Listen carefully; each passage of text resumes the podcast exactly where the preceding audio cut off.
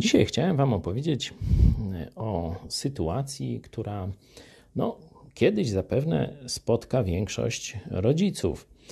Kiedy najpierw pierwsze dziecko opuszcza dom, potem następne i tak aż do końca, w zależności ile tych dzieci masz. No, pozostał ci, można powiedzieć, pusty pokój i wspomnienia, jak sobie z tą sytuacją poradzić. No, pierwsza myśl, no to e, ogólnie to są jeszcze gorsze scenariusze. Mianowicie takie, że Twoje dziecko nigdy nie dochodzi do e, samodzielności i żyje w sposób nieporządny, na koszt, na garnuszku rodziców, no i ty musisz na to patrzeć, nie, nie bardzo wiesz, jak z tej sytuacji wybrnąć, no bo tak, wyrzucić z domu źle, trzymać jeszcze gorzej. No ale o tym może innym razem.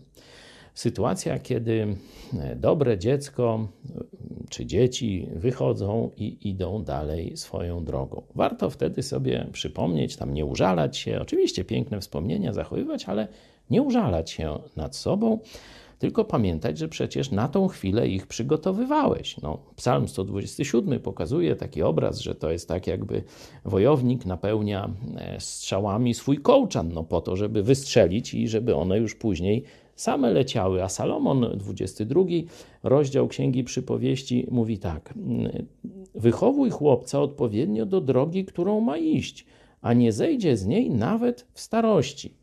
Ty już zrobiłeś swoją robotę. Teraz to dziecko realizuje ten świat wartości, które od ciebie przyjęło, oczywiście dołożyło tam swoje i tak dalej, i tak dalej, i idzie dalej. Ciebie już może nie być, a ono będzie szło dalej tą drogą, do której go przygotowałeś. Ciesz się z tego, bo jest to na chwałę Bożą. Ale na koniec jeszcze jedno ważne zastosowanie. W waszym życiu teraz nastała nowa era. Jesteście z żoną sami to czas na odnowę małżeństwa. Tak jak w takiej szancie o starej Maui. Weź na spacer żonę swą i przeminą wszystkie myśli złe.